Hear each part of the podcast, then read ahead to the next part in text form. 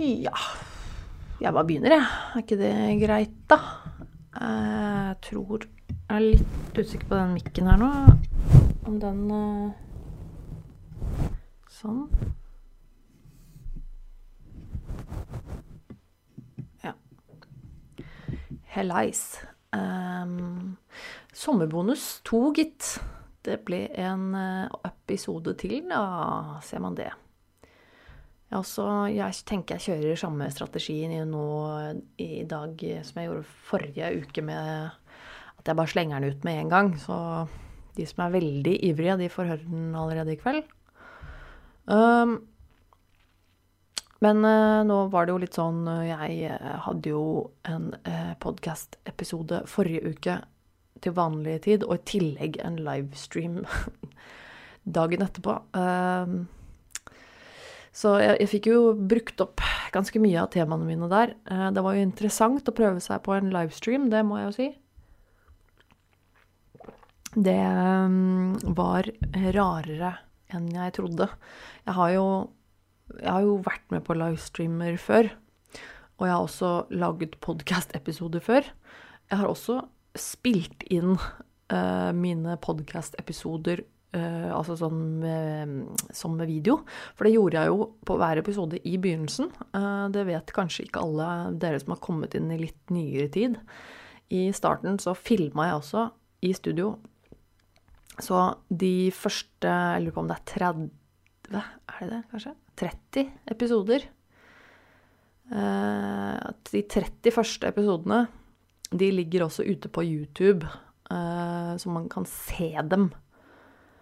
Um, jeg lurer på Ja, jeg husker ikke akkurat hvor mange det var. Men det, hvis du søker på Nerve med Tone på YouTube, så er det en kanal der som heter Nerve med Tone podkast. Uh, og den er ikke aktiv lenger. Den legger jeg ikke noe ut på lenger, men uh, videoene ligger der fremdeles. Så hvis du vil se meg på YouTube som er noe nyere enn det, så burde du sjekke ut uh, Tone Sabro-kanalen min, for den uh, har jeg faktisk uh, fått oppdatert nå med en ny video, for dere som ikke har fått med dere det. Jeg har faktisk klart å lage en video. Det Åh, jeg så Åh, jeg så på YouTuben min at det er nesten en måned siden forrige YouTube-video jeg la ut. Det er ikke greit, vet du. Det får meg jo til å føle meg uh, helt idiot. For jeg bare øh. Ja, nei, men sånn er det bare. Sånn er det bare. Jeg fikk i hvert fall uh, lagt ut uh, en episode. Så sjekk ut den siste vloggen min på YouTube. Det, jeg filma litt mens jeg og samboeren min og Kaila, hunden vår, vi var ute og gikk langs Akerselva i Oslo Uh, og så snakka jeg litt om sånn andre, andre, ting, småting. Uh, så sjekk ut gjerne sjekk ut den hvis, hvis, det, hvis dere gidder det. Jeg synes, setter jo alltid pris på når folk uh, ser på videoene mine og legger igjen en kommentar eller en like og sånn. Det setter jeg pris på. Um, skal vi se på en liste her. Jeg har vel noen notater her. Um, ja, jeg jeg drikker kaffe i dag. Um, jeg, drikker ikke, jeg drikker ikke vin i dag. Jeg hadde nok kanskje mest lyst på et lite, lite glass hvitvin nå, kjenner jeg. Men um, vi har uh, uh, datteren til samboeren min her nå. og da er det ikke liksom vin og alkohol til stede mens hun er her. Det er liksom i så fall kanskje liksom etter at hun har gått og lagt seg, så kanskje jeg tar meg et glass vin. Men det er liksom Ja. Prøver å ikke drikke når hun er her. Eh, så jeg drikker kaffe. Og i dag har eh, min samboer vært eh, og kjøpt en ny kaffe som jeg ikke er sikker på om vi har hatt før. Men den heter i hvert fall Mahembe. Og er fra Rwanda. Og Eh, den kjøpte vi på Kaffemeneriet, og vi har som vanlig brygget den på Aeropress. Det er det jeg pleier å gjøre her hjemme. Og den er eh, Den er helt OK, altså. Jeg måtte tenke litt på det i stad. Herregud, jeg ble så flau over meg sjæl i stad. um, og man tenker, man tenker mye rart inni sitt eget hode når man gjør sånne vante rutiner rundt i huset. Så er liksom Tankene går jo bare dit de går, liksom. Uh, og da sto jeg der med kaffeposen i hånda og skulle teste det, male den, lukta litt på den, så på posen. Uh, lagde kaffe, og så tenker jeg Mahembe. Ja, det var jo litt passende kult navn. Det hørtes så afrikansk ut, så det var jo fint at den var fra Rwanda. Og så ble jeg sånn Er Rwanda i Afrika? Og så måtte jeg tenke. Så tenkte jeg, nei, det var flaut, fordi Rwanda er jo ikke i Afrika. Og så ble jeg litt usikker igjen. Og ble sånn, Men vent, nå er Rwanda? Jo, er ikke det i Afrika? Av en eller annen grunn så tenkte jeg i det øyeblikket at Rwanda, nei, det ligger i Mellom-Amerika. Um, og så ble jeg så usikker at jeg faktisk måtte sjekke, altså. så jeg har googla Rwanda. Det, er det siste jeg googla nå. Uh, og da fikk jeg bekreftet at min aller første innskytelse var den korrekte. Rwanda ligger jo i Afrika. Uh, så det var, det var riktig det jeg tenkte først, at det var passende at Mahembe hørtes afrikansk ut fordi Rwanda er et land i Afrika. Herregud, altså. Men det var, det var bare en dustete tanke. Jeg aner ikke hva Mahembe betyr, men Men det bare jeg, jeg, kan, jeg, kan, så lite om Afrika Altså, først, ja, jeg er veldig dårlig i geografi, men jeg kan lite om Altså, det er så mange land i Afrika, og jeg tror ikke jeg kunne nevnt halvparten av dem engang. Det er jo helt ganske drøyt. Jeg er ekstremt dårlig på geografi i Afrika, altså. Jeg har vært i Afrika én gang, hvis det kan telles å ha vært liksom, Hvis jeg kan si jeg har vært i Afrika, det er et helt frikken kontinent. Men ja, jeg har vært i Egypt, liksom. Det er det eneste afrikanske landet jeg har vært. Um, og jeg har reist ganske mye i mitt liv, faktisk. Uh, jeg har vært i ganske mange forskjellige kontinenter, men uh, jeg har bare vært uh, i Egypt Afri i Afrika, så det Ja, nei, dette var en veldig digresjon. Uh, ja, så hva, hva, hva, hva er skjedd? Uh, nei, for jeg uh, Dette her blir jo litt sånn som, som jeg var inne på i forrige episode også. En sommerbonus blir litt sånn sommerbonus. Det er veldig lite planlagt, og dette blir veldig sånn uten, uten Holdt jeg på å si mål og mening. Uten redigering og uten Ikke redigering, da pleier jeg ikke å gjøre uansett. Men uten, uten hjelp fra moderne media. Dette er uh, helt for egen maskin.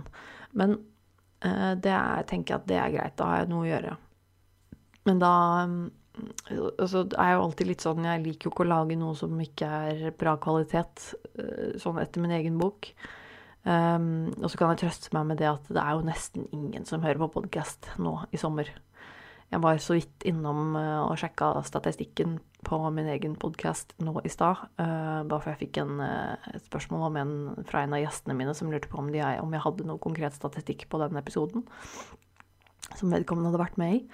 Men det kan jeg ikke se. Uh, ikke det, i det programmet som, uh, som, brukes nå, så er det veldig sånn generell statistikk, egentlig. Og det er, og det, den er vanskelig å søke på, den er egentlig vanskelig å forstå seg på, så den er egentlig ganske dårlig. Men da så jeg bare noen få tall fra liksom de siste ukene, egentlig de siste månedene, og det er ganske lavt, altså. Um, og det er jo Ja, det er litt både òg. Jeg skal være ærlig og si at akkurat nå når jeg lager sommerbonusepisoder, så føler jeg at det er egentlig greit. At det bare er liksom typ Jeg så ikke hvor mange det er. At det er liksom de få som hører på, de hører på. Det er greit, liksom. Fordi at eh, Jeg håper ingen dømmer hele podkasten min ut fra disse sommerbonusepisodene. Men um, uh, I was saying uh, la, la, la, la, la ja, i dag Altså, vi har altså hun, datteren til samboeren min her, og i de siste to dagene har også mine svigerforeldre vært her i tillegg. Uh, når jeg sier her, så mener jeg hjemme hos oss. Altså, svigers har bodd hjemme hos oss uh, samtidig også som min bonusdatter. Det ble jo litt interessant, for plutselig så måtte vi omrokere på alt her.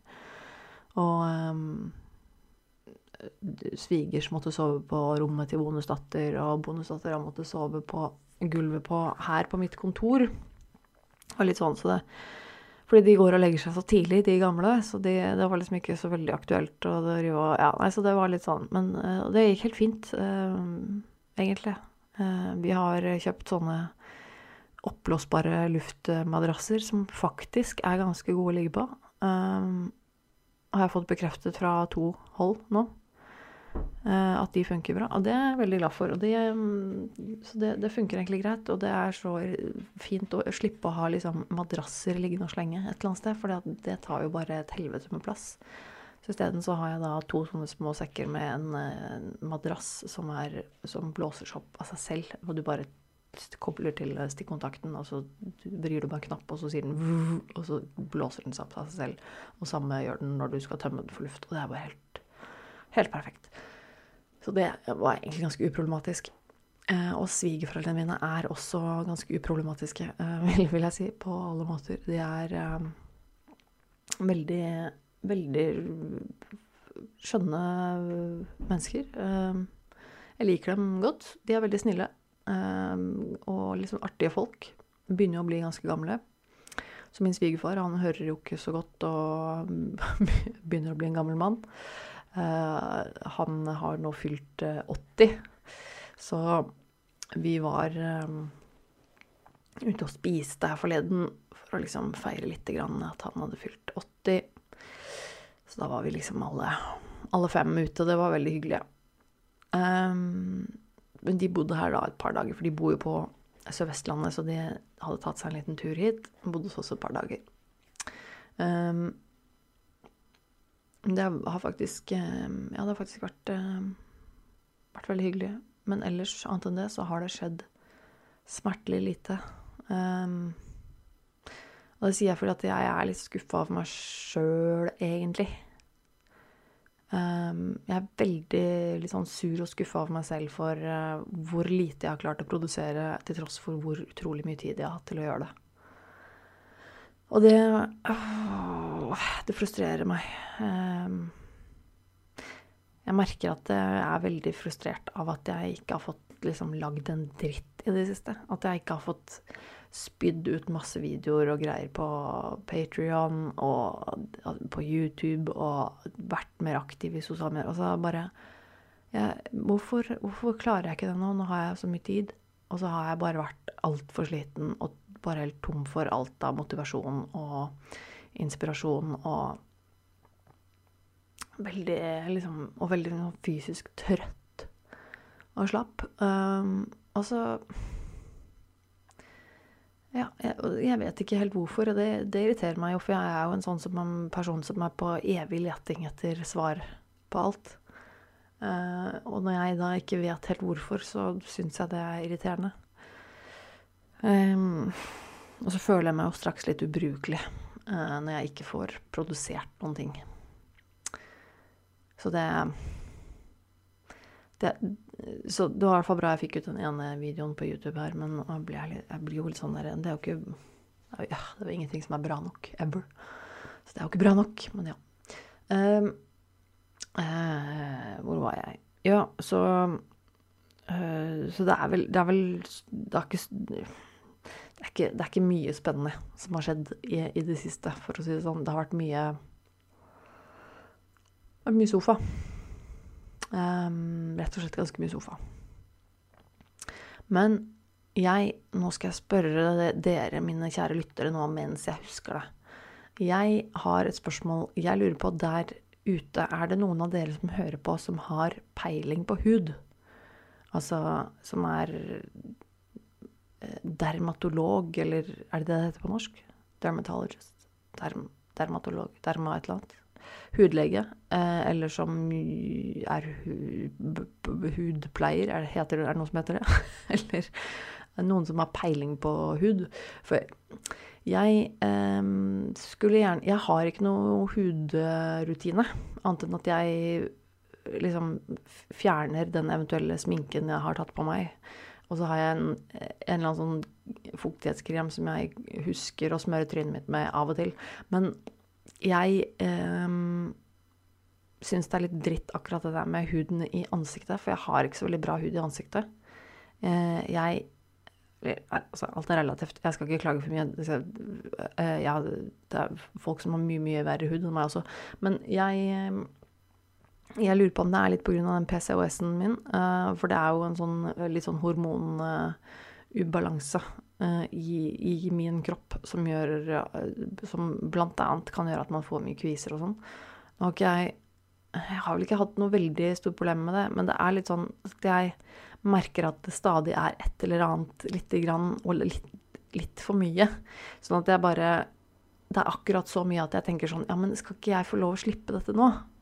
Jeg er jo ikke en tenåring lenger. Nå er jeg liksom passert 30. Kan ikke jeg få lov til å ha eh, liksom vanlig pen hud? Er det vanskelig, liksom? Det, har ikke de fleste voksne mennesker pen hud? Eh, jeg skjønner at det er vanlig å få en kvise nå og da, liksom. Det får vi alle, sikkert i alle aldre. Men det er liksom noe med at eh, Men hvis du er, tar liksom vanlig vare på huden din, er ikke det vanlig å ha liksom eh, Ja. Så jeg blir litt sånn Men hva kan jeg gjøre med det? Hva er det egentlig, er det egentlig voksne mennesker gjør med huden sin til daglig? Eh, da kanskje spesielt eh, damer. Eh, det fins sikkert en del menn der også som er flinke til å rense huden og jeg vet ikke hva, men jeg tipper det er liksom mest en sånn eh, kvinnegreie, det der med hudprodukter. Men hva er det egentlig dere gjør der ute? Sånn hver dag, liksom? Hva er det damer gjør? Altså, jeg har så lite venninner. Jeg har jo liksom ingen jeg henger sammen med. Jeg har ikke noen sånn flokk med venninner jeg som driver og preiker om sånne ting. Jeg aner jo ikke, ikke sant. Jeg, hva er det jenter eller damer, whatever, på min alder altså, Eller ikke på min alder, kan jo yngre og eldre, for den saks skyld. Men hva er det dere gjør for noe med huden sånn til daglig? Er, eller er det noen som har et eller annet tips? Bare generelle råd er sånn annet enn at du burde fjerne sminken før du går og legger deg. Liksom. For det vet jeg. Det gjør jeg jo. Men i tillegg så har jeg jo sensitiv hud. Uh, så jeg kan liksom ikke bruke hva som helst. Og så blir jeg litt sånn Er det egentlig noe vits å bruke sånn krem, sånn ansiktskrem som du skal uh, gi fuktighet, sånn et eller annet som du smører i trynet, og så blir det sånn uh, Men jeg merker jo ikke noen forskjell på det. Uh, jeg, jeg, skjønner ikke hva det er jeg Skal jeg gjøre noe annerledes? Uh, hvordan uh, blir jeg kvitt at jeg ser ut som jeg er sliten konstant? Det er kanskje fordi jeg er sliten konstant. ja. det kan jo selvfølgelig hende. Nei, men bare, det bare slo meg at jeg bare Jeg har ikke peiling på hva man gjør med huden når man er voksen. Og så skal man vaske huden, liksom, hver dag. Ehm, for, for, det gjør jeg ikke. Og nå snakker jeg primært om ansiktet her, altså. Men jeg, sånn, jeg, jeg dusjer ikke hver dag. Jeg dusjer annenhver dag. Uh, og det passer meg helt utmerket, for da det er liksom Jeg har en kjempefin rutine på det å dusje hver dag. Nei, annenhver dag. Men jeg har ikke noe spesiell rutine på det å liksom Ansiktspleie. Annet enn da, som sagt, å liksom fjerne sminka. Og da blir jeg litt sånn hva er, det, hva er det voksne folk gjør? Jeg har ikke peiling, ass. Og så er jeg litt sånn Og så er det det Og der, der har du liksom min uh, Mitt problem er jo også at jeg blir sånn OK, jeg, tenker, jeg har et problem. OK, hvem kan jeg spørre om det? Uh, og så blir jeg helt veldig skeptisk med en gang, fordi jeg blir sånn Men da vil jeg helst kanskje spørre en som har eh, peiling, som er altså typen en hudlege, eller noe sånt.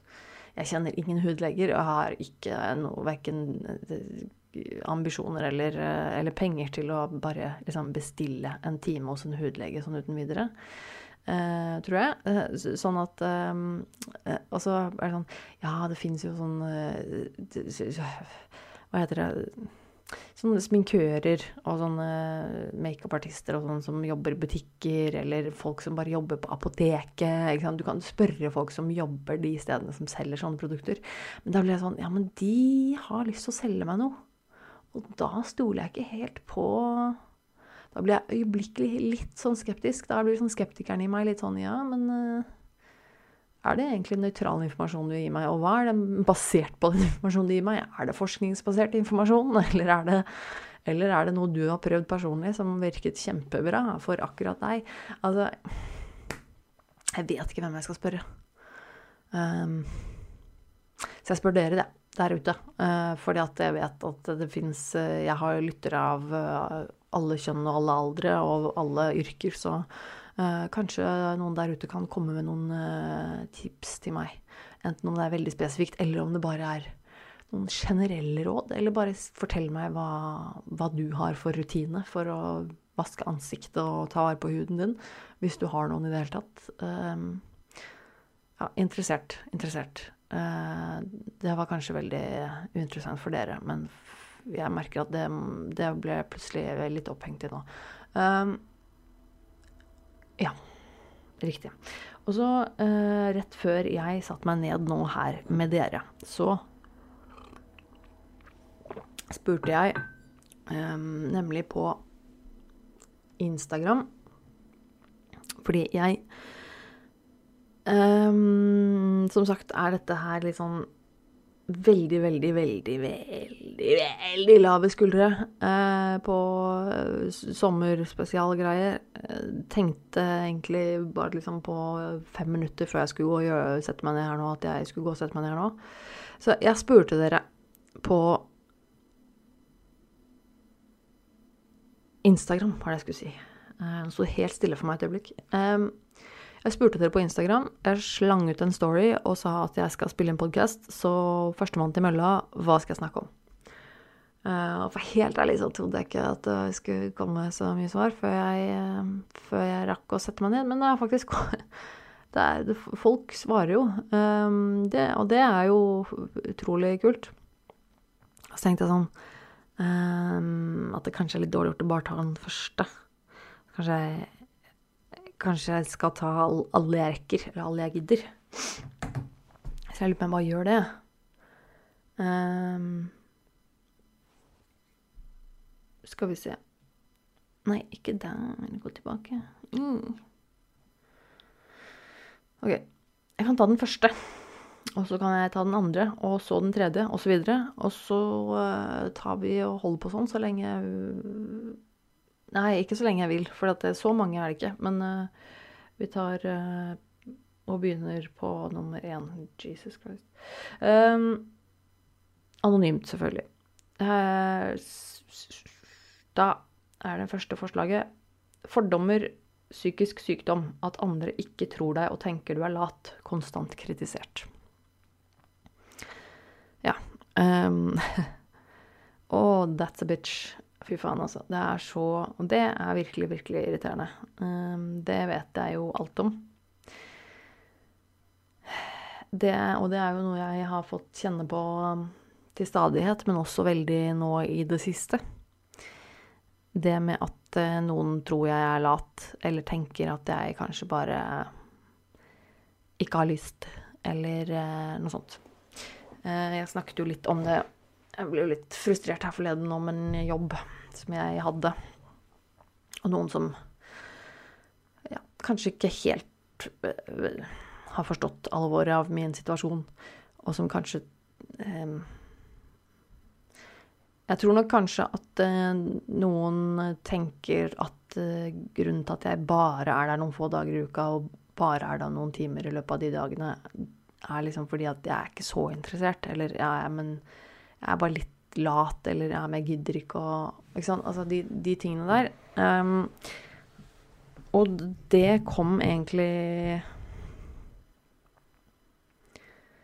um, Det kan komme selv om du Selv om du er åpen om ting. Og selv om du prøver å fortelle at 'jeg kan ikke jobbe så mye sånn og sånn pga.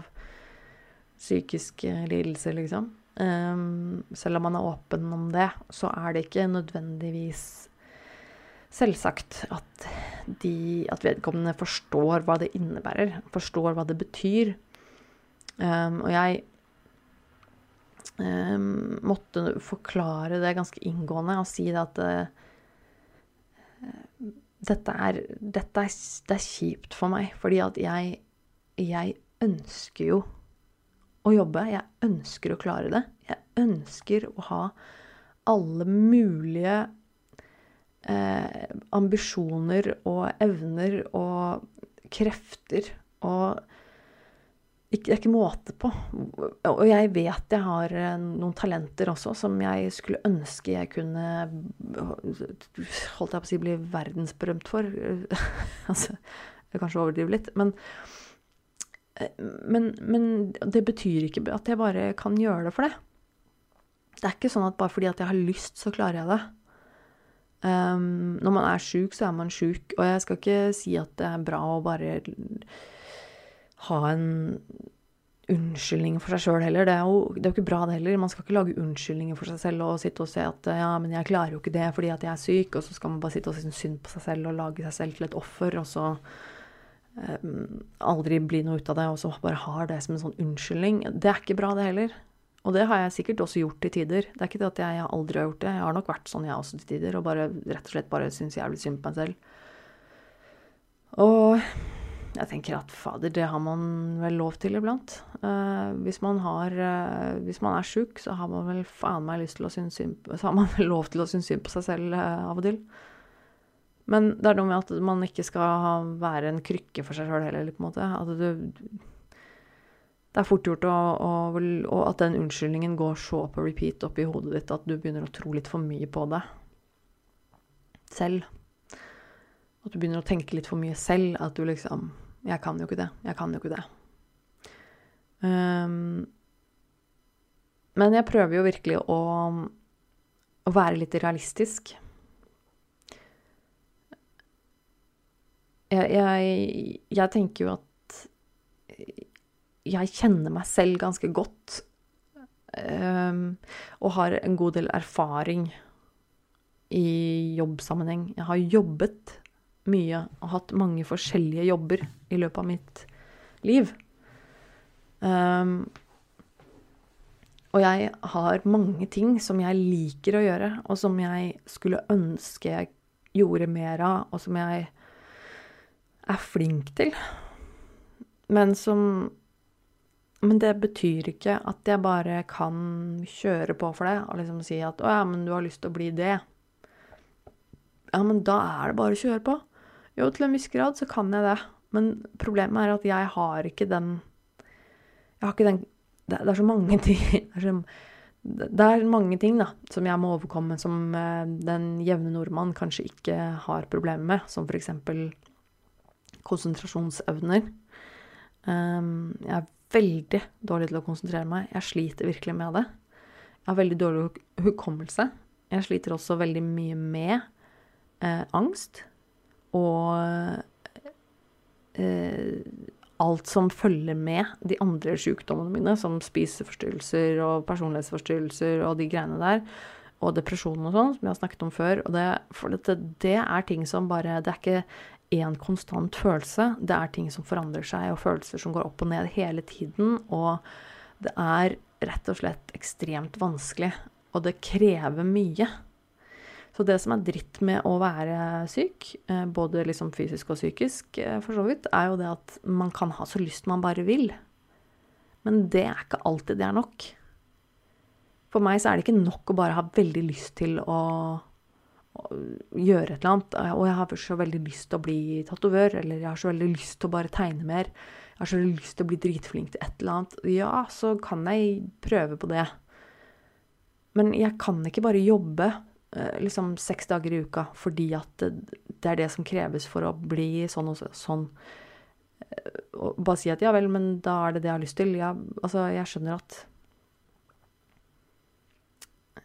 det er, det, er, det er, mange man må liksom Altså, man kan ikke ha et perfekt liv. Det er mange ting man må gjøre i livet hvis man ikke syns er så gøy å gjøre, osv., osv. Uh, men det er ikke sånn at jeg bare Hvis du krever at jeg skal være her seks dager i uka for å få gjøre denne jobben her, så er det litt sånn OK, men da kan jeg ikke det. Og det er ikke fordi at jeg syns at det er litt kjipt å jobbe seks dager i uka. Det er jo ikke det som er hovedgrunnen. Og det stopper meg jo ikke heller hvis det her er jobben jeg virkelig, virkelig vil ha, så skulle du tro at da klarer man i hvert fall å jobbe seks dager i uka, hvis det er dette her du lider, er lidenskapelig opptatt av. Men det er ikke nødvendigvis sånn. Det har jeg fått uh, oppleve selv også. Jeg har hatt mange at mange jobber. Både jobber jeg har hatt lyst på, og jobber jeg, jobber jeg ikke har hatt lyst på. Uh, og til og med nå for ikke så lenge siden hadde en jobb som jeg hadde skikkelig, skikkelig lyst på. Og som jeg hadde drømt om å ha lenge. Og likevel så klarer ikke jeg å bare ta meg sammen og være der seks dager i uka. Eh, jeg klarer ikke å være der liksom åtte-ni timer om dagen. Selv om jeg skulle ønske jeg klarte det, og skulle ønske det gikk bra. For at eh, jeg har jeg er, ikke, jeg er ikke frisk på samme måte som de fleste andre er. Og det er klart at det blir jo lett misforstått også av de som bare ser de gode sidene. For når jeg er på jobb der, de timene jeg er der, de dagene jeg er der, så viser jo jeg det beste jeg kan. Jeg prøver å gjøre mitt aller beste. Jeg prøver å gjøre et godt inntrykk. Jeg prøver å være flink og blid og ikke la meg påvirke av hvor sliten jeg er, og ikke la angsten overta. Eh, og, det, og, og, selv om jeg føler at jeg ikke gjør en formidabel jobb der, så er det jo eh, se, Det er jo det eneste de ser. De ser jo ikke hvordan jeg er når jeg kommer hjem. De ser jo ikke alle de dagene jeg er når jeg er hjemme. De ser ikke de verste dagene mine. De ser ikke all den andre tiden når jeg ikke er der. Så de, de vet jo ikke. Og det er klart at Selvfølgelig syns ikke de at uh, jeg er verdens beste da, på en måte. Når, når, det eneste de ser av meg, er bare det beste jeg kan akkurat nå. Hadde jeg vært uh, Hadde jeg vært uh, frisk og kunnet jobbe hver dag og vært der hele dagen, så er det klart at det hadde vært Selvfølgelig hadde de fått et annet inntrykk av meg. Selvfølgelig hadde det vært annerledes. Um, og samtidig så hadde jeg ikke lyst til å gjøre meg selv til en sånn uh, offer. Jeg hadde ikke lyst til å at de skulle se på meg som en sånn charity case og bare synes synd på meg. Og... Så jeg var ærlig og fortalte um, en del, men ikke alt. Og ikke på en måte hvor alvorlig det er heller. Og det er jo noe uansett, uansett så er jo det privat, så det er jo noe jeg valgte å gjøre. Bare for å gjøre det litt lettere for dem for å forstå, for, for dem å forstå, men også lettere for meg, da. Um, men, det, men, men, det er jo likevel noe med at du må finne den balansen mellom å si noe så de forstår, men likevel Likevel ikke si så mye at du føler at du utleverer for mye, og så mye at de bare føler at du er en Eh, stakkarslig syk liten jente som ikke klarer noen ting, til at du bare ikke sier noen ting, og de bare får et kjempedårlig inntrykk fordi at hun er jo ikke her nok. Hun jobber jo ikke lenge nok. Hun eh, er Ikke sant. Altså Hva gjør man, da? Og selvfølgelig får de feil inntrykk. Eh, når ikke jeg kan fortelle dem absolutt alt, ikke føler meg komfortabel med hvor mye de skal vite, så klart at da er det vanskelig for dem å skjønne hvorfor jeg bare kunne jobbe så og så mange dager i uka eller så og så mange timer når jeg først var der fordi at jeg ble helt utslitt og måtte bare dra hjem. Eh, så selvfølgelig. Eh, men det er dritsårende og vondt å skjønne det at, at de plutselig hadde fått et feil inntrykk, da. Eller at det inntrykket de satt med, var um, noe annet enn det egentlig sannheten var. Og det er, um, det er noe dritt. Og det er liksom sånn det blir, fordi at du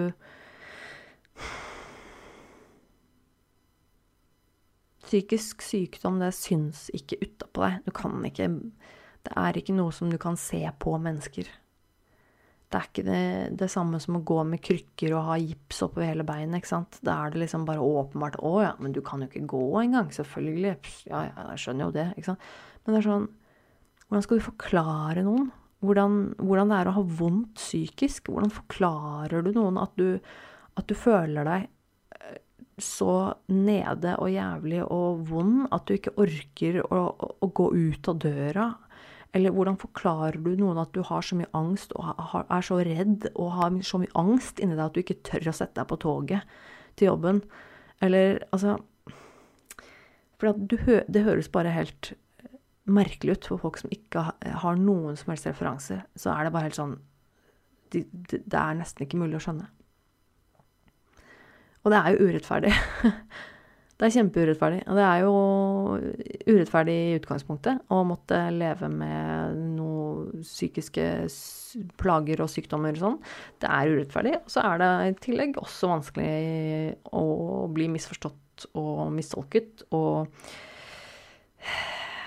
at folk tror du er latt.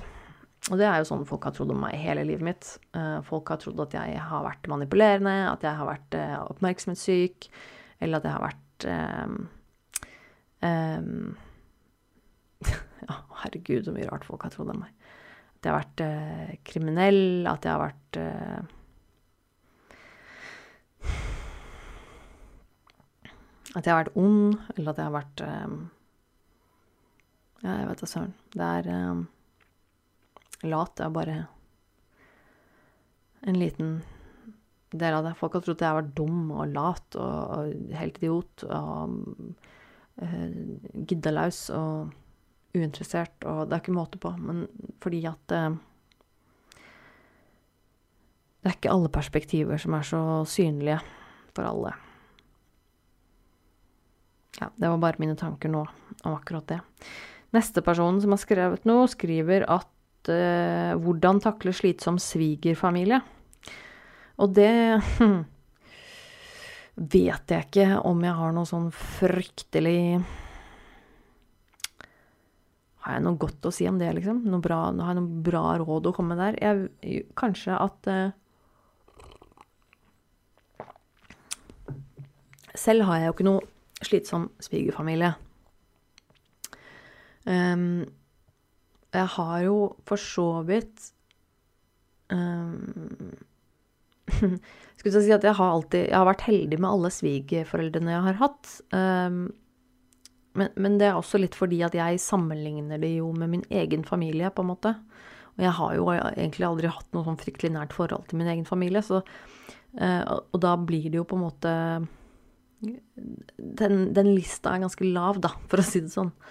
Uh, men, men jeg skjønner jo at det er mange som har det vanskelig med svigerforeldre.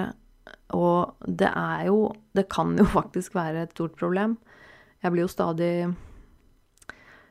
eh, Altså, jeg, jeg, jeg, får, jeg, får, jo det med meg, eh, at det fins situasjoner der ute som er ganske mye mer uheldige enn det min er i forhold til mine svigerforeldre. For mine svigerforeldre er veldig glad i meg, og de er veldig glad i barna sine. Og barnebarna og liksom er veldig ålreite, gode folk som er rasjonelle mennesker. Og, og, det er liksom Det kunne vært så, så mye verre. Men det er litt sånn Hvordan takle slitsom svigerfamilie? Altså, jeg Det er det eneste som står. Så det, kommer, det, er ikke noen konkrete eksempler her. Det er ikke noen konkrete holdt opp til spørsmål eller hvem som er slitsom, eller hvorfor det er slitsomt. Men jeg tenker jo at eh, fordelen med svigerfamilie er jo at det er svigerfamilie. Um, og så er jo det selvfølgelig litt uh, forskjellig hvor seriøst og hvor nært man er sin svigerfamilie osv. Men, men jeg har jo på en måte alltid hatt et sånt forhold til svigerfamilie, men det er, det er svigerfamilie. Så jeg husker jo at det, tidligere, og da jeg var gift og, og sånn, så hvis det, hvis det, var sånn at at det var noe som eh, arrangeres, en eller annen bursdag, et eller annet, bla, bla, bla um, Fordi da er det kanskje litt langt å reise, eller da er det kanskje litt mye barn der som jeg syns er slitsomt, og så har jeg kanskje ikke noe sånn spesielt godt forhold til, eller noe spesielt forhold til akkurat de menneskene, for det er liksom den type uh, søster, bror, svoger, et eller annet som jeg treffer litt sjelden, og da er det litt sånn Jeg er ikke veldig keen på å dra da, uh, og da er det litt sånn OK, der Da hadde jeg da tenkte jeg at men jeg har lov å si at jeg ikke kommer, for det er ikke min familie. Um, og da måtte Altså Jeg skjønner at ikke det alltid er så lett, og jeg skjønner jo at det også kan sette da min eventuelle kjæreste da i et litt sånn vanskelig situasjon, for da er det sånn Skal, skal hen dra uten kjæresten til familien, eller skal hen også bli hjemme? Eh, og jeg, I don't know. Det er litt sånn sånn Man kan finne på så mange unnskyldninger og si at ja, jeg kommer, men uh, kjæresten min blir ikke med denne gangen før uh, hen har et eller annet annet hun skal drive med, eller ja, det Altså, who cares? Selvfølgelig kan man komme unna med en sånn liten løgn, eller bare si at nei, hen er ikke helt i form, så det, jeg kommer aleine denne gangen. Who cares? Altså, jeg tenker sånn du, Åh, ja, jeg vet ikke om jeg er riktig person, person å, å liksom svare på det, for at jeg føler at alt er liksom Jeg har jo ikke noe sånn Jeg føler ikke så veldig sterkt på den derre familieforpliktelsen. Jeg gjør ikke det, altså. Jeg er jo en såpass dårlig holdt jeg på å si søster at jeg også er sånn som ikke nødvendigvis eh, kommer i bursdag til niese, liksom. Fordi at det er utrolig ubeleilig tidspunkt og langt unna og jævlig kronglete for meg å komme meg dit. Og jeg ser dem sjelden, og det er litt sånn Det føles egentlig mest som en formalitet at man inviterer. Og da blir det sånn Ja, men det er vel bare en formalitet om jeg kommer eller ikke, på en måte. Eller um, Nei, jeg, jeg, vet ikke. Og det er jo Nei, jeg, jeg vet ikke. Jeg vet, jeg vet jo ingenting. Um, men jeg tenker jo at Ta vare på Ta vare på deg sjøl og strekk deg litt. Men kjenn hvor grensa går, liksom. Bli med på noe av og til, selv om du kjenner at det er slitsomt. Dra heller hjem tidlig. Eller si at nei, akkurat denne gangen så orker jeg ikke å være med. Um, og så vis litt godvilje, men også samtidig sette ned foten en gang iblant. Og så si at vet du hva, men akkurat nå er jeg det, Nei, ikke nå. Ikke denne gangen. Um, jeg, jeg, vet ikke. Jeg um,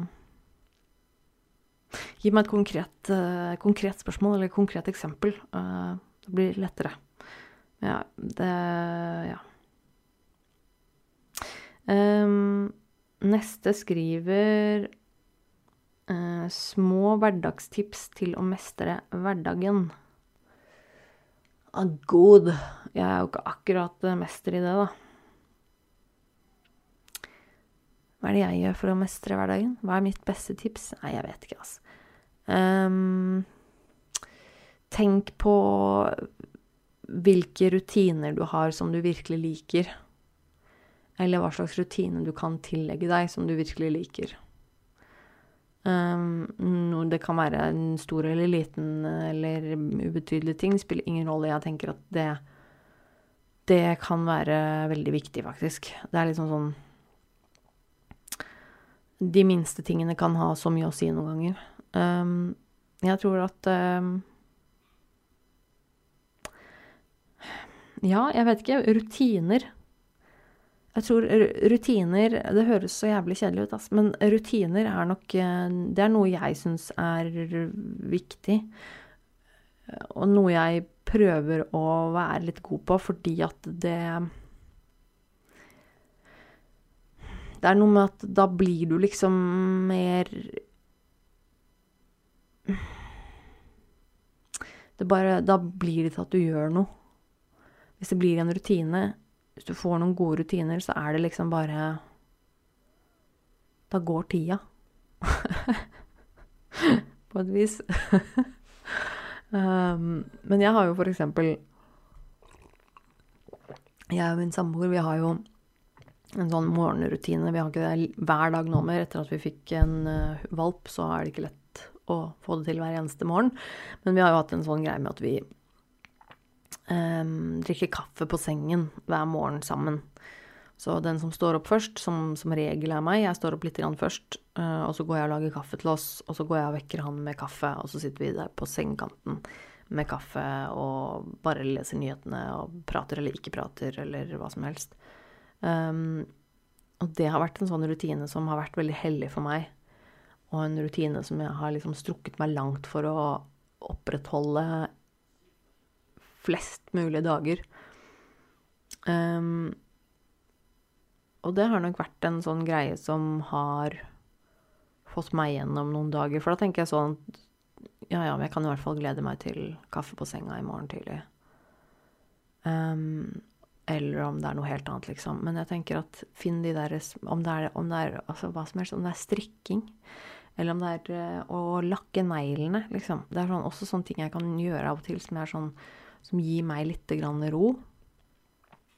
For det er sånn Nå skal jeg bare sette meg ned, og så skal jeg bare lakke de neglene med den fargen. Og så tar det litt tid, og så blir det liksom For jeg gjør det liksom pent, og så kan jeg bare konse om å gjøre akkurat det. Og det, noe, det krever ikke noe av meg. Det er ikke sånn som å tegne. fordi tegne for meg, det krever Det er noe jeg liker å gjøre, men det krever noe av meg. Hvis jeg skal tegne, så, um, så krever det en inspirasjon, og jeg må kjempe mot perfeksjonisten i meg. Jeg må kjempe meg gjennom alle forventningene mine, og det krever Det krever Ja. Mens det å f.eks. sette meg ned og lakke neglene, det krever veldig lite. Men det gir ganske mye. For det gir meg en ro. sånn Da kan jeg sitte her, og så kan jeg bare konsentrere meg om akkurat den lille tingen her en liten stund. Og så Det som også er fint med det, er at når du har nylakka negler, så er du litt handikappa, så da kan du ikke gjøre noen ting. Så da blir jeg liksom bare sittende sånn Ja, OK, men da må jeg faktisk bare sitte her litt. Sånn. Og hvis noen trenger noe hjelp til noe, så sorry, jeg har akkurat lakket neglene, så nå må du faktisk ta denne hunden. Altså, det er sånn Ja, nei, jeg vet ikke. Um, Sånne småting. Um, hvis man kanskje har noen, har noen, flere sånne småting, da, så kan man variere litt på hva man gjør hver dag, liksom, men at du kanskje har en sånn ting, da, som du kan glede deg med. Um, eller ha én ting du kan glede deg til. Om det bare er å liksom gå på butikken og kjøpe en uh, ny juice som du ikke har smakt før, liksom. Men altså et eller annet som er sånn Eller du bare ser en ny oppskrift på et eller annet, så er det sånn Oi, den skal jeg prøve å lage i morgen eller dagen etterpå. Så er det sånn Jeg vet ikke. Bare ha et eller annet Ja, jeg, jeg, jeg vet ikke. Også, men jeg tror det er rutiner. Det må liksom Det meste er kjedelige, banale greiene med å stå opp og legge seg til ca. samme tid hver dag. Og prøve å komme seg ut. I hvert fall én gang om dagen. Jeg er ikke kjempeflink til det sjøl, men nå har jeg i hvert fall en hund som gjør at jeg som regel da i hvert fall kommer meg ut en gang om dagen, minst. Men um, ja, nei, det er, det, er, det er, noe med det, altså. Jeg, uh, nei, jeg har ikke noe bedre svar enn det.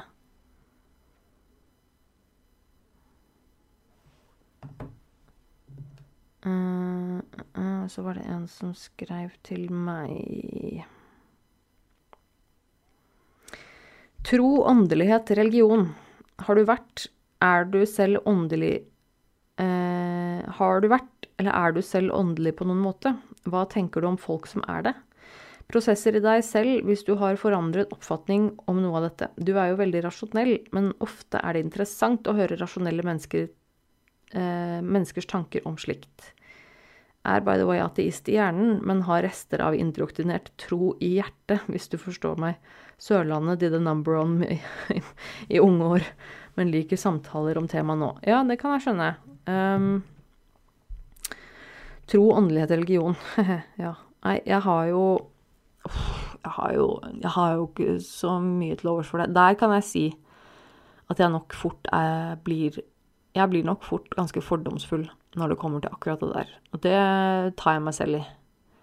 Jeg prøver å Og jeg er bevisst på det sjøl òg, men det er sånn der, der, der, er jeg ofte fordomsfull mot folk som er religiøse eller åndelige og tror på alt mulig rare greier så, så, merker jeg at da blir jeg fort litt sånn Å ja, OK. Du, da, er ikke du, da er ikke du mitt menneske, liksom. altså.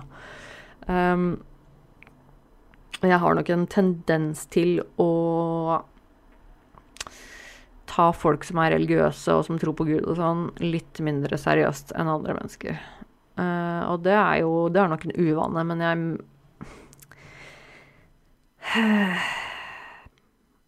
Men jeg, jeg, jeg, kan jo ikke Jeg må bare være ærlig og si at, men, at jeg får med en gang litt mindre respekt for folk helt automatisk hvis de er liksom typ religiøse. Altså hvis det er sånn at de er, oppfører seg og lever etter en religion. Et livssyn som er basert på fantasi og eventyr. Og eller hvis man tror på sånn uff, sånn stjernetegn og sånn piss som det der. Folk som begynner å snakke om 'Å, er du vannmann?' Ja, men da holder jeg på å krepere. Det er altså det dummeste jeg hører. Um, for at jeg Men ja, jeg har jeg, Nei, jeg har aldri vært veldig eh, religiøs. Um, faren min har vel aldri vært noe religiøs, tror jeg. Uh, moren min har vokst opp i et uh, kristent hjem uh, med sine foreldre som var veldig kristne, altså mine besteforeldre. da. Typ sånn eh, gå i kirken hver søndag og til og med liksom hjelpe til menigheten. Sånn helt frivillig, fordi man syns det er gøy. Typ folk. Og eh, vi gikk vel litt sånn i kirken på julaften og sånn, tror jeg, da jeg var liten og sånn. Og det syns jeg egentlig var ålreit, men det tror jeg var mest på grunn av Det synes jeg det tror jeg var, Jeg likte egentlig det mest på grunn av tradisjonen. At jeg syntes det var hyggelig å liksom gjøre en liten hyggelig greie på julaften. At vi kunne ta på oss litt pene klær, og så kunne vi gå bort dit, og så var det andre mennesker der, og så var alle litt sånn glade fordi det er jul og sånn. Men det hadde jo ingenting med religion å gjøre. Um, jeg har Hvis jeg skal være helt ærlig med meg sjøl, så tror jeg vel Tror ikke jeg egentlig noen gang har trodd på Gud. Jeg tror jeg ønsket å tro på Gud en god periode. Jeg husker jo at jeg også hadde liksom min ungdomstid, eller liksom var, Eller ikke ungdomstid, før det.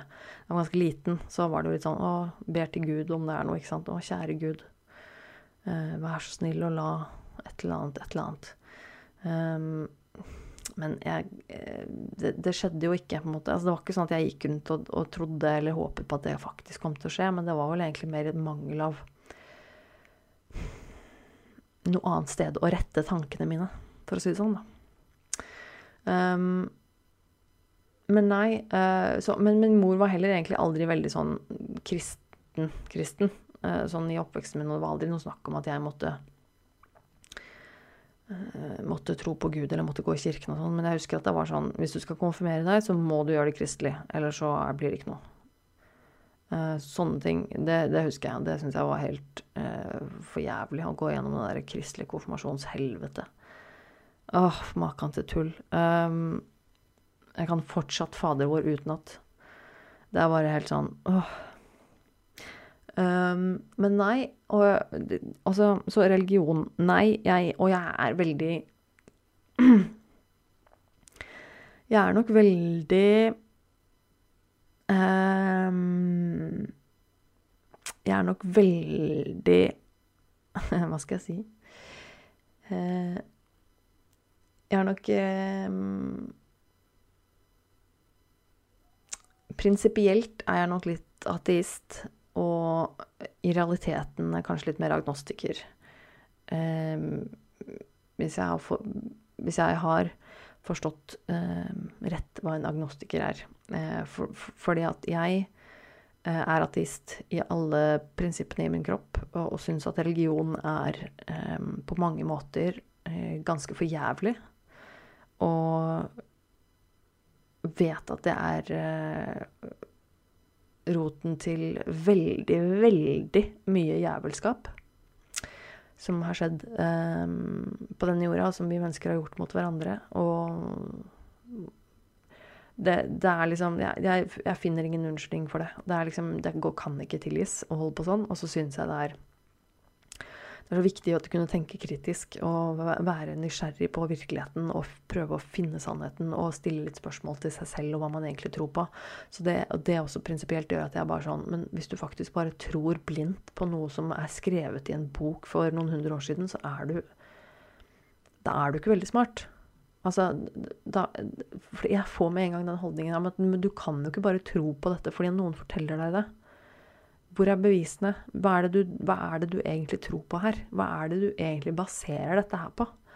Og det sånn Jeg har så lite tålmodighet overs for mennesker som ikke setter spørsmålstegn, eller som, eh, som tenker kritisk og eh, som eh, Nei, jeg Nei, det, det, det, det går ikke. Jeg klarer bare ikke. Jeg husker det var en gang sånn uh, en, eller annen, en kompis jeg hadde for mange år tilbake, som uh, jeg ble kjent med på, på skolen en gang. Og så um, var vi venner ganske lenge, og så fikk jeg sånn et Jeg tror vi hadde vært kjent hverandre et par år, eller noe sånt, hvor det plutselig en dag så kom det opp at han var kristen. Og så ble det sånn Hæ? Er du kristen? Og jeg kjente at jeg ble ordentlig lei meg inni meg. For det var sånn Nei! Du! Men jeg, men jeg liker deg jo så godt. Å nei, hvorfor Åh. Og da kjente jeg at jeg Det var en, det var en, liten, en liten, del av meg som, som, mistet respekt for han uh, i det øyeblikket, kjente jeg. For da var det bare sånn Neimen, åh. Da er det noe som er galt. Um, men én ting er jo altså, å være sånn kulturell kristen. Jeg tror nok det er det jeg har vært, eller i hvert fall moren min har vært liksom, sånn i, i, min familie, har vært litt sånn kulturelt kristent fordi at det er liksom fint, eller eh, Ja, hvem faen vet.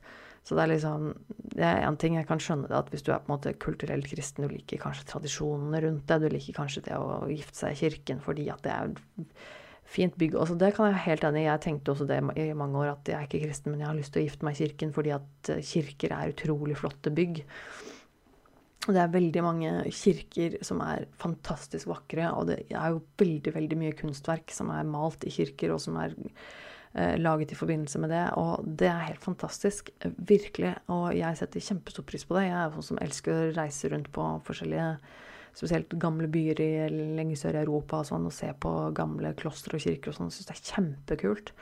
Um, og jeg kunne også ha, liksom, av den grunn ha liksom, typ, giftet meg i en kirke eller et eller annet fordi at det er noe hyggelig med noen tradisjoner også.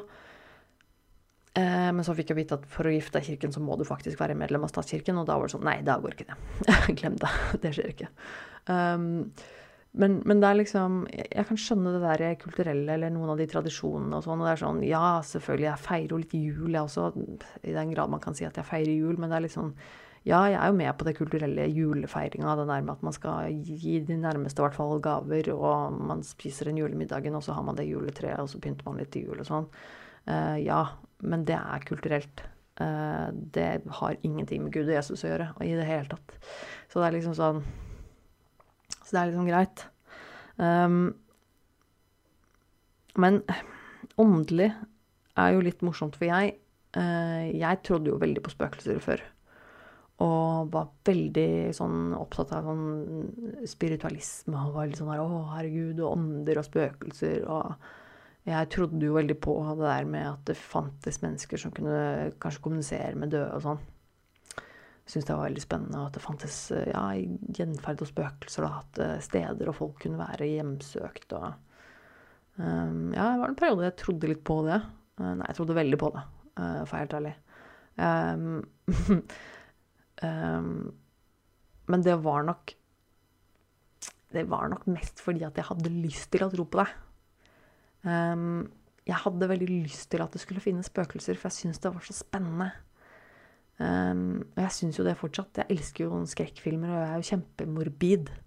Jeg, jeg elsker jo sånne ting som er for folk er Eh, morbid og ekkelt, og operasjonsvideoer eller folk som er daua i ulykker, eller uh, folk som driver med patologi og sånn. Jeg syns det er kjempespennende.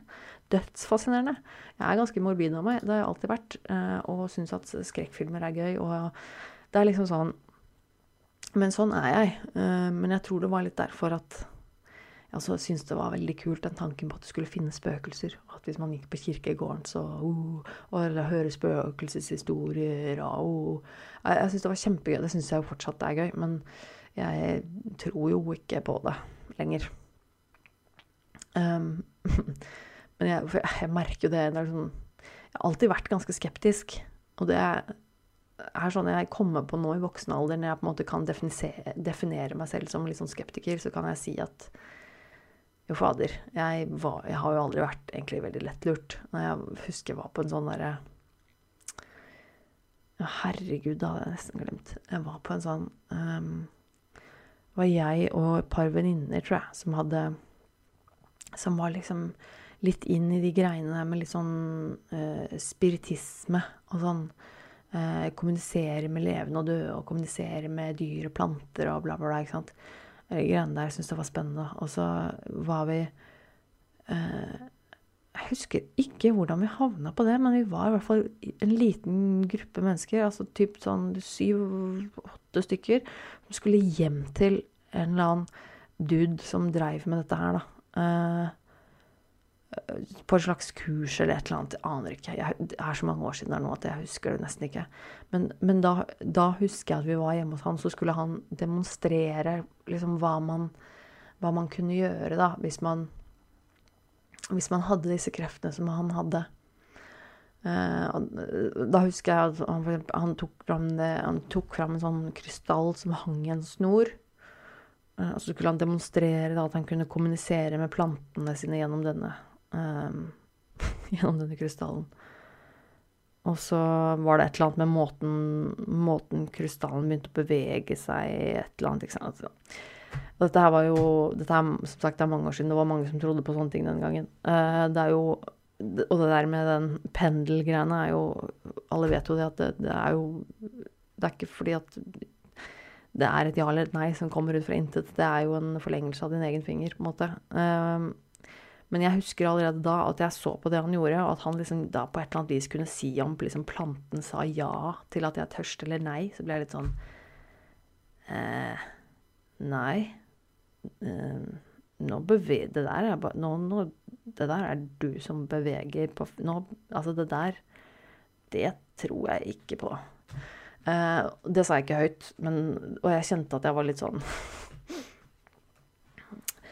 jeg hadde, ikke, jeg hadde ikke lyst til å jeg hadde ikke lyst til å si det heller, fordi jeg følte liksom at nå Hvis man sa det høyt, så, kom, så ble, du, ble, du, upopulær. Eh, så det var noe med det. Eh, men nei, så jeg har nok alltid vært eh, Alltid vært ganske skeptisk. Veldig opptatt av Veldig nysgjerrig og veldig opptatt av å finne svar på ting. Og alltid liksom Alltid sette spørsmålstegn med ting. Og det er litt sånn både på godt og vondt, fordi det er ikke alltid at uh, Det er ikke alltid at det er en god ting, fordi at noen ganger så går jeg jo så langt at jeg, jeg stiller så mye spørsmål med alt og er så usikker at jeg ikke klarer å ta et standpunkt. Uh, at jeg ikke klarer å ta en beslutning. Fordi at jeg blir sånn Ja, men jeg vet ikke alt jeg egentlig må vite for å kunne ta den beslutningen. Jeg, jeg, jeg vet ikke nok om denne saken. Jeg har ikke hørt alle personens uh, point of view. Jeg uh, så, det, så, noen ganger så blir og, det er rett og slett ganske frustrerende noen ganger, fordi at uh, jeg klarer ikke å ta et valg for meg selv om hvilken type av ditt og datt jeg skal kjøpe, fordi at jeg får så mange forskjellige vinkler i hodet mitt med en gang. At hvis jeg kjøper den, så sånn og sånn. Og hvis jeg kjøper den, så det og det. Men da blir det kanskje sånn, og den og datt og dit og datt. Og så har jeg så mange vinkler oppi hodet mitt at jeg klarer ikke å ta en beslutning. At det blir helt umulig for meg. Um, men det er jo også en del av det der um, tvangsprega greiene i meg. At jeg har vanskelig for å ta beslutninger og bestemme meg. Det er um, stadig et eller, annet, eller annen, et eller annet perspektiv jeg ikke har nok peiling på. Det er litt frustrerende noen ganger også, men jeg tenker jo også at det Det er vel kanskje også noe av det som gjør meg til et eh, reflekterende vesen. Eh, som har evnen å faktisk se flere perspektiver til folk og ting og situasjoner. Jeg vet ikke. Men eh, så ja, men det er jo litt sånn på godt og vondt. Jeg eh, Uh, ja, så jeg vil si Nei, jeg, jeg, har ikke så veldig mye tro, åndelighet, religion er liksom Det er ikke noe, er ikke noe for meg. Jeg syns det er fascinerende, men uh, jeg tror ikke noe på det. Og dessverre så syns jeg det er litt for mange som tror på det. For jeg tror at uh, vi som vi som en art hadde kommet så mye lenger hvis vi la fra oss det der greiene der. Um, uh, rett og slett. Um, ah, det er sånn, ja, jeg kunne, jeg kunne snakka om det der i evigheter, tror jeg. Jeg, jeg syns også det er veldig interessant. Men jeg begynner å bli litt sliten i stemmen, så jeg tror faktisk jeg skal eh, Jeg så det var kommet inn et par flere svar også her, og jeg setter veldig stor pris på det, folkens. Men eh, ja, jeg sa jeg skulle ta den første, jeg, og jeg tok noen flere enn det, så jeg håper liksom jeg blir tilgitt likevel. Eh, men jeg Jeg skal gi Jeg skal gi dere et par tips her på slutten, fordi jeg fant Jeg fant, jeg fant faktisk en podkast.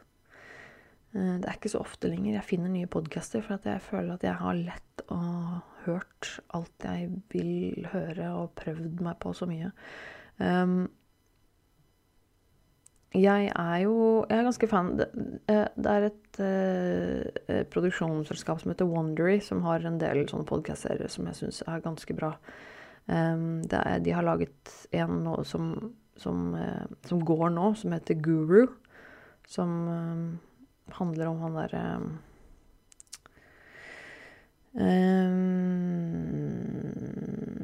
Å, herlighet. James Arthur Ray. Uh, han derre um, duden som uh, hadde denne Han, han guruen, rett og slett, som uh, var helt crazy. Uh, men, så den anbefaler eneste som er jævlig kjipt med Wondery, er at det er så mye reklame. Det er veldig mye reklame. og det er litt irriterende, men det går jo an å skippe. Så Men Guru fra Wondery også Men det var ikke den jeg skulle skryte mest av. Jeg fant nemlig en podkast. Den er engelsk da nå. Altså, jeg, jeg vet ikke, Hører dere på engelske podcaster der ute? Jeg vet at det er noen av lytterne mine som ikke er så veldig glad i de engelske anbefalingene mine. I'm sorry, men ja, Oi, det var Ja. Å, nå var jeg skikkelig teit. Det sa jeg ikke med vilje engang.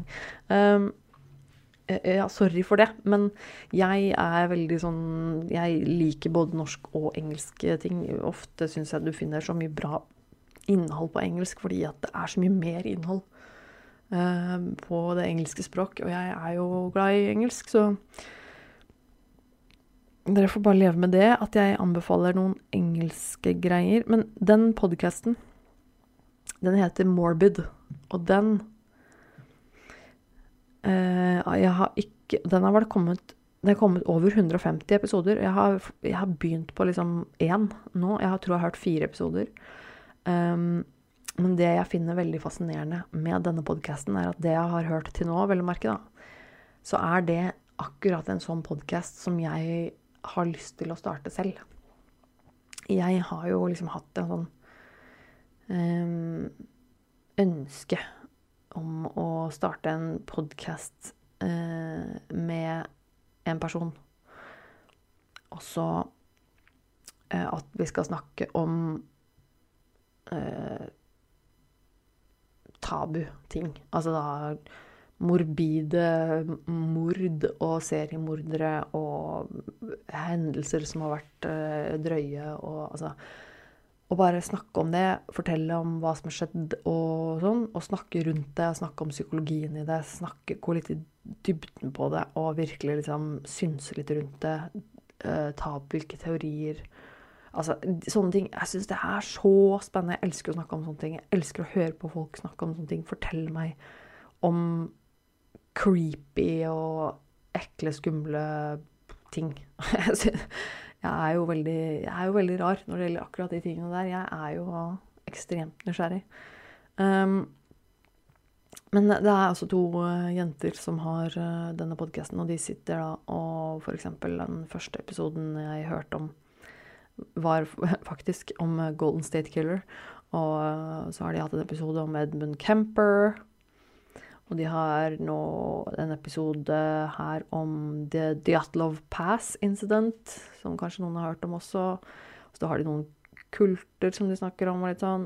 Så jeg um, Nei, så det er Det er liksom Det er den her jeg vil lage på norsk. Det hadde vært så bra. Det hadde vært så gøy. Kunne ha med en eller annen som passer i det konseptet, og Ja, det er lov å håpe. Nei, men, så, men jeg anbefaler den podkasten. Den heter Morbid. Um, og så er det jo ganske dødt på podkastfronten. Det er så jævlig kjipt. Folk driver med sånn sommerferiepiss. Drit i det. Ja. Nei, det var ikke så mye mer enn det, gitt. Jeg hadde faktisk eh, eh Jeg har um, eh, skaffa meg et uh, abonnement på Storytel. Um, det har jeg ikke hatt før nå. Det er jo lydbøker. Jeg har brukt uh, Audible en del før. Uh, men det og, og, så begynte jeg liksom å Jo, grunnen til at jeg snak, begynte med, liksom, med, det igjen nå, var at jeg um, Jeg følger med på den som jeg snakker, har jeg anbefalt det til dere tidligere òg, den serien som nå går på HBO, som heter I Will Be Gone in the Dark. Den true crime-serien om uh, The Golden State Killer, som er basert på boken til Michelle McNamara. Den, alle de sinnssyke greiene som hun gjorde og jobba med for å prøve å finne ut hvem denne morderen var. Um, og den boka har jeg egentlig veldig lyst til å lese.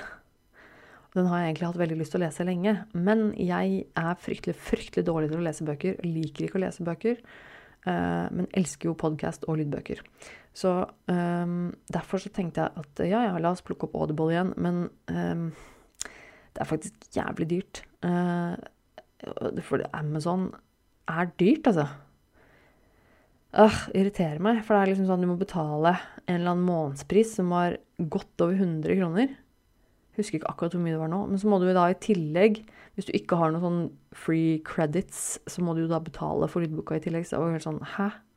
Nei, det, det ble for dyrt. Men så sjekka jeg Audible, og er, er, Audible er billigere. Og i tillegg så hadde de en sånn to ukers gratis greie som jeg tenkte jeg skulle prøve nå. Og så hadde de jo boka liggende i Storytel. Det ble jeg også veldig glad for, for jeg var litt sånn Storytel. Nei, jeg orker ikke det. Det blir bare sånn norske bøker og sånn. Jeg vil ikke ha bare norske bøker. Men det har jo ikke bare norske bøker. Det er jo faktisk mer enn det òg. Så jeg prøver den nå. Uh, fordi jeg fant altså I'll Be Gone in the Dark. Den ligger, på, den ligger der. Jeg har ikke begynt å høre på den ennå. Men den ligger og venter på meg. Og så Ja. Så, så det blir jeg litt spent på det. Uh, hvordan det blir. Um, Altså det, jeg tror det rett og slett var tipsene mine. Uh, jeg har også, for dere som følger meg på Patrion Tusen hjertelig takk, forresten. Jeg har fått et par flere patrons. Det er dritkult. Jeg har nå nesten 20 stykker som, som støtter meg hver måned med et lite beløp. det setter jeg så stor pris på. Men jeg lagde jo en video der som ligger ute til de som er nivå to og tre. En video hvor jeg sitter og snakker om tabuer. Denne videoen snakker jeg om kannibalisme. Syns det ble en ganske kul video. Jeg har lyst til å lage flere sånne. Uh, så der er vi jo litt inne på noe, men det er vel litt sånn Ja, det er litt sånne ting jeg liker. Um, nå begynner jeg å rable. Jeg skal, Å, jeg er så sliten i stemmen nå. Jeg skal avslutte nå. Um, men da ble det en uh, sommerbonus uh, to, da, folkens. Uh, kom gjerne tilbake til meg hvis dere har noe svar på mine spørsmål, tips til tema, generelle life hacks, eller bare vil si hei, så kan du nå meg på Tone Sabro eller Nerve med Tone i sosiale medier. Um, følg meg gjerne i sosiale medier. Jeg syns det er veldig hyggelig. Jeg får en ny follower iblant. Og så kan du sjekke ut uh, YouTube-kanalen min, som er uh, aktiv. Det er den som heter Tone Sabro. Hvis du vil sjekke ut mine gamle podkast-episoder, så er de filmet og ligger ute på Nerve med Tone podkast på YouTube. Eller hvis du vil, uh, kanskje du vil sende meg en mail. det er jo noen som gjør det òg. Det er veldig hyggelig. Da kan du sende mail til nervemetone at gmail.com.